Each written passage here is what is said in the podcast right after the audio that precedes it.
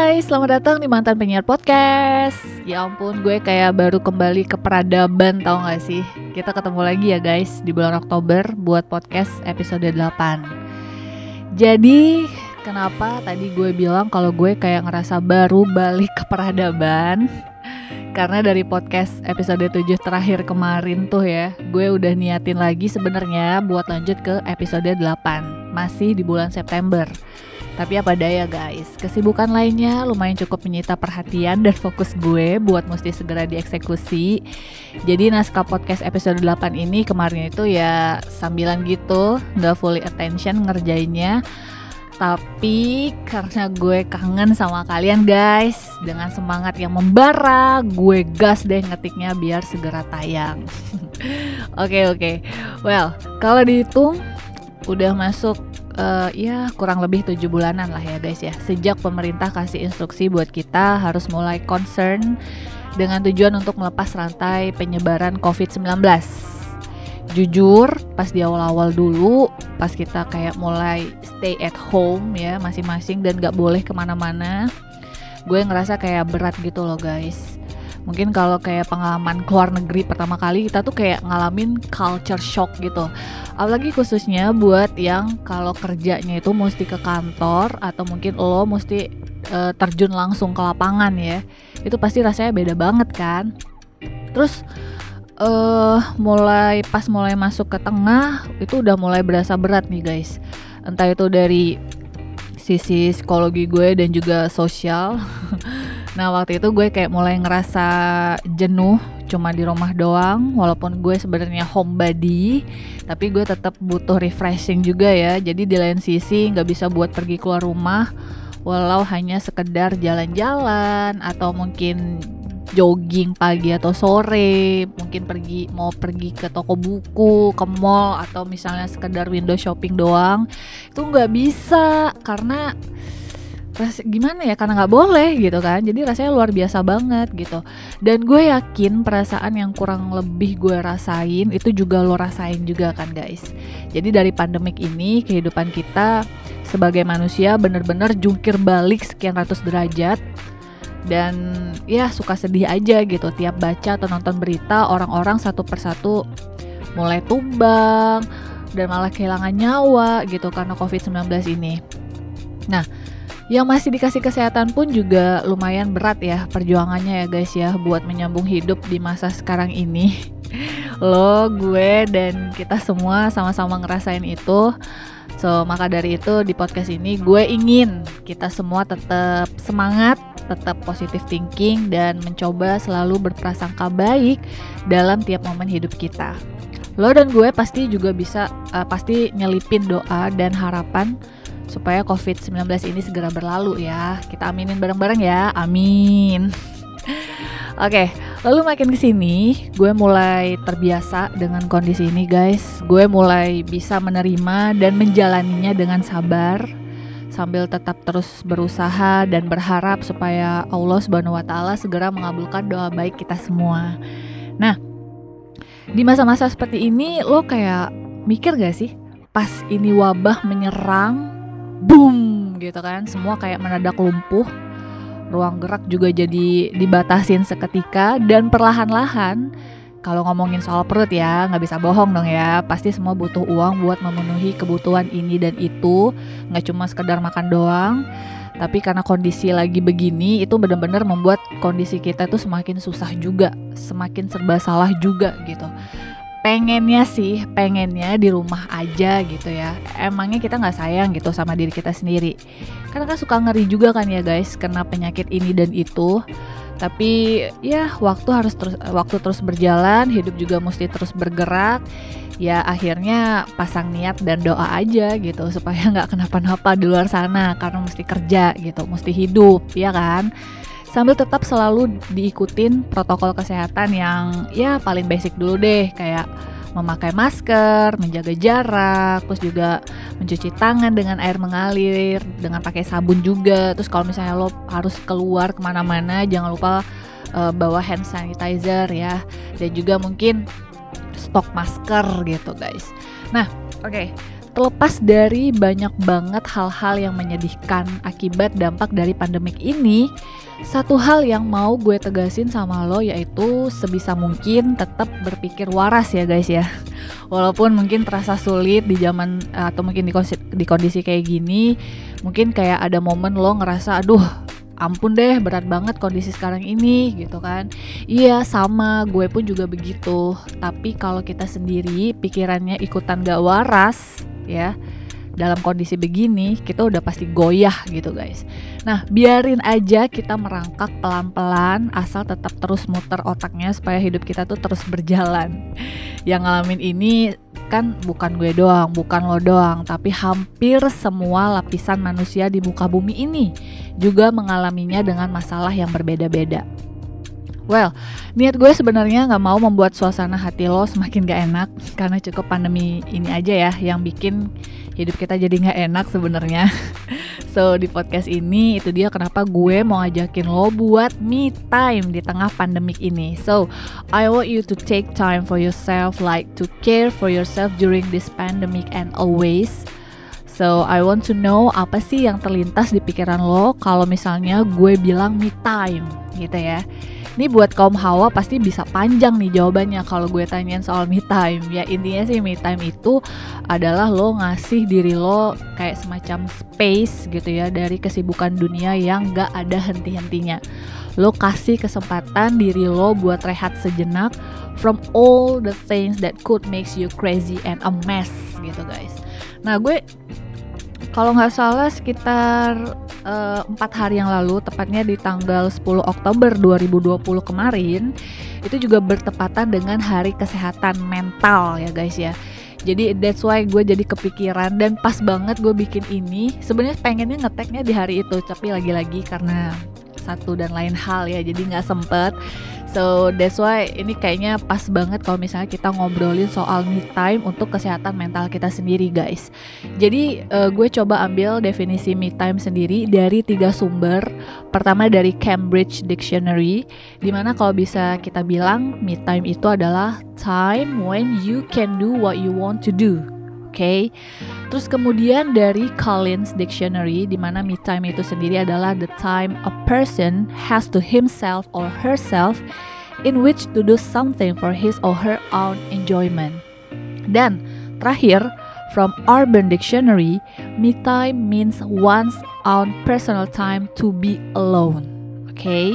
Jadi dari beberapa definisi yang barusan uh, udah di mention, udah tau lah ya kalau me time itu ya intinya lo curi atau kasih waktu buat diri lo buat melakukan hal-hal yang mungkin gak sempet lo lakuin gitu. Karena perhatian lo tersita habis sama kegiatan yang lain. Termasuk saat lagi pandemi begini guys. Jujur kalau gue nggak nyuri waktu buat nyenengin diri sendiri efeknya tuh bisa menyedihkan ya buat diri gue sendiri gitu.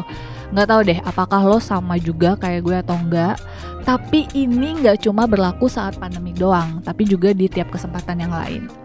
Karena gini loh guys ya kita itu kan mulai dari bangun sampai ke bangun tidur lagi gitu aja terus menerus ya. Pasti selama itu kita banyak melakukan kegiatan ini dan itu. Pasti mood jadi up and down juga gitu ya.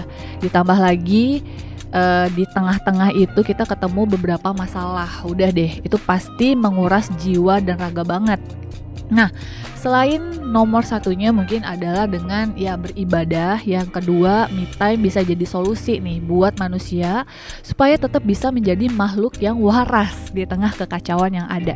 Jadi supaya mental kita tetap sehat gitu ya bahasanya. Nah, oke. Okay.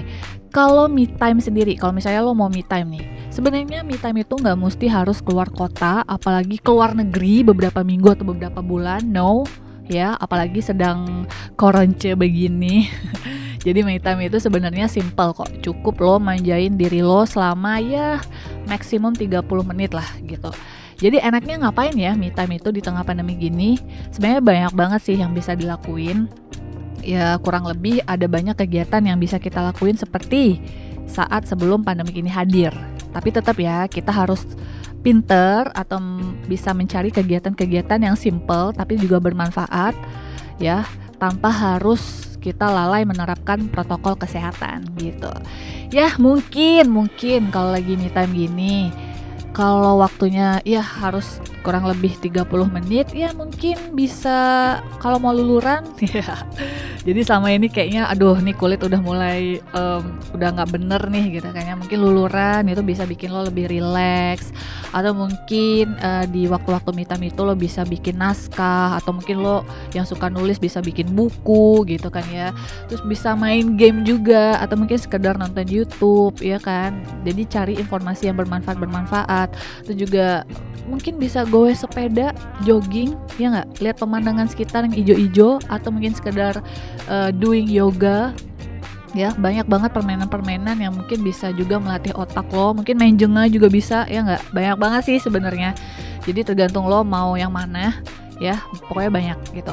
So at least kegiatan itu bukannya bikin lo jadi beban gitu ya tapi bikin lo seneng. Makanya maksimal 30 menit itu adalah sebenarnya udah waktu yang pas dan perfect gitu untuk membuat pikiran kita jadi lebih santai, lebih relax gitu ya.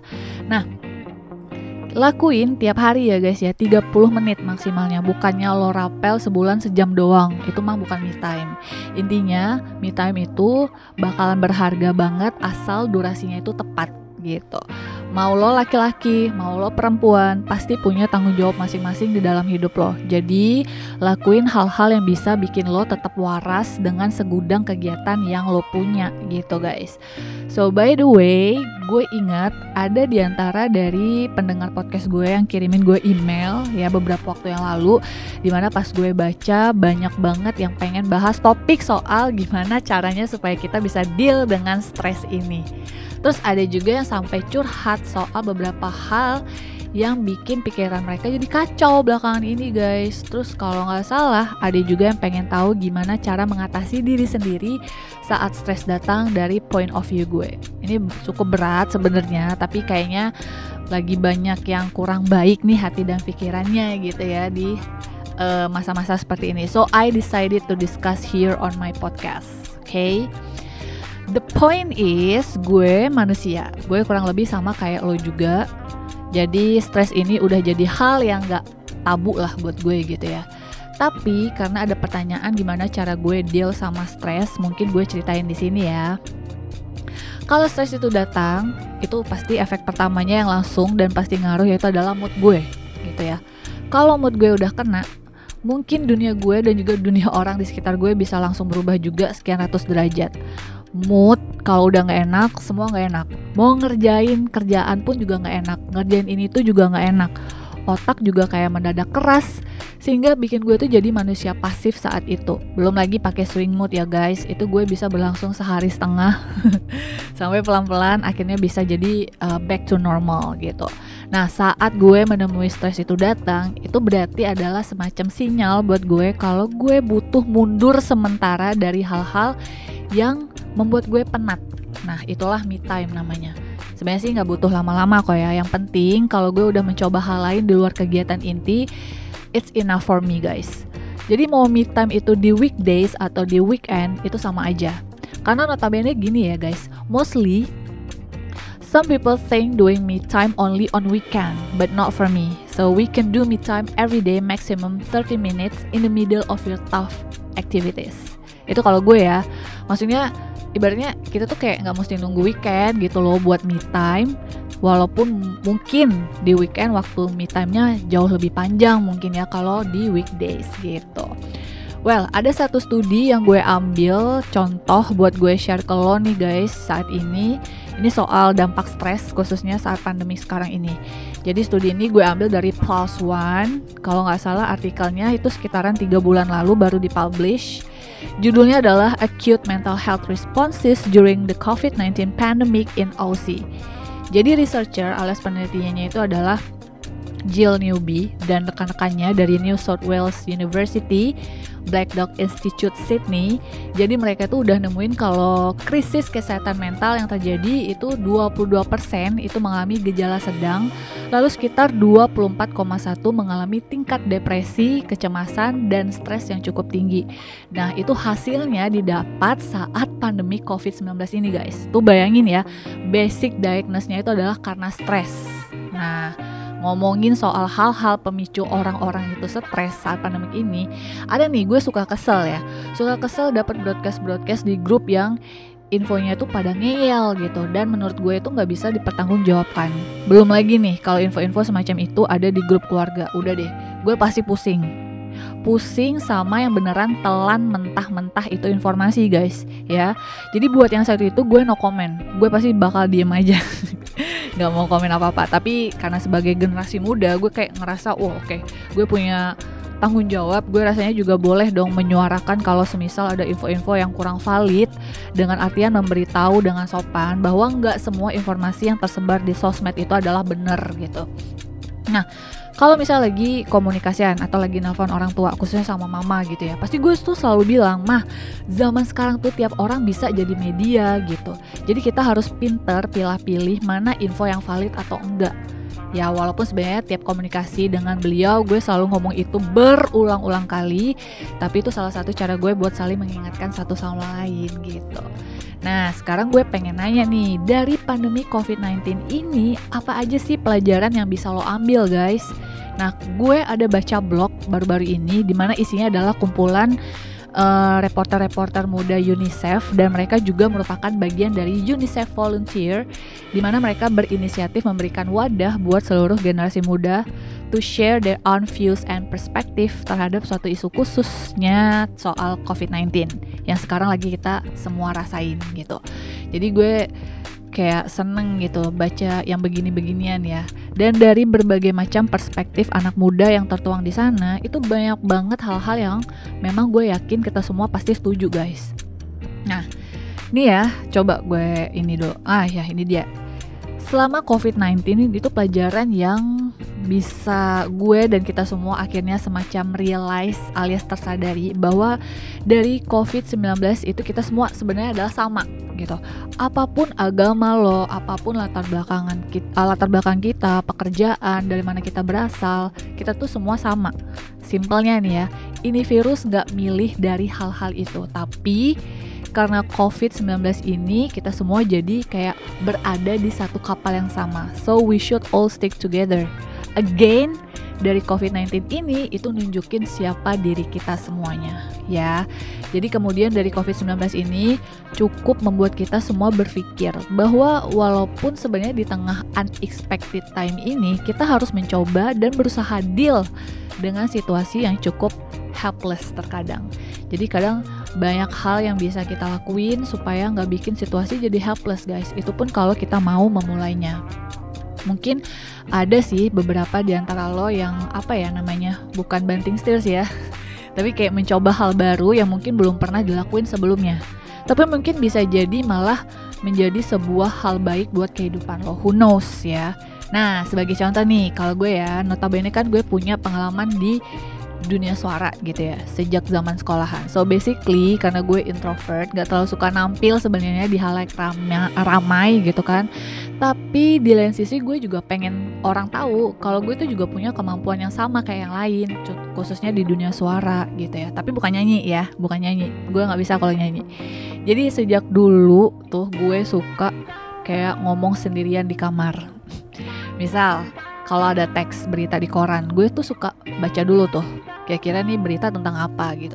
Terus langsung gue uh, ambil intinya ngambil poinnya terus gue langsung demonstrate sendiri di depan kaca atau mungkin kadang ngomong sama tembok. Jadi kadang gue tuh suka kayak kepergok sama orang tua sendiri kalau gue lagi ngomong sendirian ala-ala gitu ya guys di kamar. Jadi kalau kecil dulu sih belum terlalu lancar gimana pronounce suatu kata dalam bahasa Inggris dengan benar. Tapi lama-lama beranjak SMP gue udah mulai belajar juga mengetahui artinya supaya ngomongnya nggak terus aja gitu ya. Pasti ada patahan-patahannya juga gitu. Nah sebenarnya sih panjang ya ceritanya. Terus beranjak SMA juga gitu. Gue masih suka ngomong sendiri di kamar. Hingga gue pernah nyampein ke orang tua bahwa gue ada rencana kuliah nanti mau jurusan kayak semacam broadcasting dan teman-temannya gitu. Gue mau kerja di televisi itu dulu ya. Tapi pas udah mau tamat SMA ya biasalah waktu perempuan kayak belum gimana ya guys ya bisa melepas gue gitu ke ibu kota buat sekolah. Karena gue anak cewek yang belum pernah ke mana-mana sendirian waktu itu. Maksudnya keluar kota gitu ya sendiri. Ya tapi mau gimana lagi ya kalau orang tua ngerasa berat gue juga nggak bisa maksa gitu. Jadi karena gue takut kalau nggak diridoin ortu ntar kuliah gue bisa uh, berantakan dan nggak berhasil. Jadi ya intinya sih singkat cerita uh, gue tahu bukannya beliau nggak setuju gue jurusan broadcasting gitu tapi masalahnya di gue ntar bakalan jauh gitu kan dari beliau dan hidup sendiri gitu aja. So gue ambil positifnya aja gitu. Tapi mimpi gue nggak berhenti sampai di situ walaupun jurusan gue bahasa Inggris tapi gue tetap membiarkan mimpi gue itu tetap ada di diri gue jadi di kampus dulu gue juga pernah lah diajak senior buat jadi MC acara fakultas gue sendiri Terus gue juga mencoba apply jadi announcer di salah satu radio di kota Jambi waktu itu. Jadi ini pekerjaan pertama yang gue dibayar gitu loh guys. Gue seneng banget waktu itu. Jadi ortu juga setuju asalkan gak ganggu kuliah gitu. Ya walaupun berat juga sih kerja sambil kuliah karena harus managing waktunya itu ya lumayan. Tapi gue syukurin itu, gue nikmatin aja semua prosesnya dan ya lumayan hampir kurang lebih 8 tahun gitu ya gue ngejalanin itu kuliah sambil uh, siaran gitu guys nah hingga akhirnya gue mau nggak mau mesti resign karena gue mau ngelanjutin ngelanjutin studi lagi waktu itu. Nah gue juga kerja sambil kuliah lagi tuh kalau nggak salah waktu itu. Oh ya benar-benar tapi kerjaannya bukan di radio ya atau semacamnya tapi di perkantoran. Tapi gue sempet dipercaya juga jadi MC kayak buat acara seminar ujian promo vendus dan lain sebagainya gitu Singkat cerita, singkat cerita aja, 2020 tiba-tiba hati gue kayak kangen banget sama siaran di radio. dan tiba-tiba 2020 juga COVID-19 ini datang dan akhirnya gue dapat ide buat bikin podcast sendiri yaitu ini dia nih mantan penyiar podcast yang sekarang lagi lo dengerin gitu ya sebenarnya sih tujuannya ya sekedar menyalurkan rasa kangen gue dengan radio aja sih ya syukur-syukur yang pernah dengerin gue siaran dulu juga dengerin podcast gue terus karena covid-19 ini Selain podcast, gue juga punya kegiatan baru yang berhubungan dengan dunia suara selama COVID-19 ini guys, yaitu adalah jadi voice over talent gitu. Nah, intinya mulai aja, mulai aja gitu. Kalau lo yakin lo punya kemampuan itu, ya udah langsung dieksekusi gitu. Jadi gue gabung jadi member di beberapa komunitas buruh suara gitu, yeah, buat belajar dan mencari teman yang punya passion yang sama. Dan alhamdulillah sekarang lagi giat-giatnya juga bikin voice over challenge gitu guys.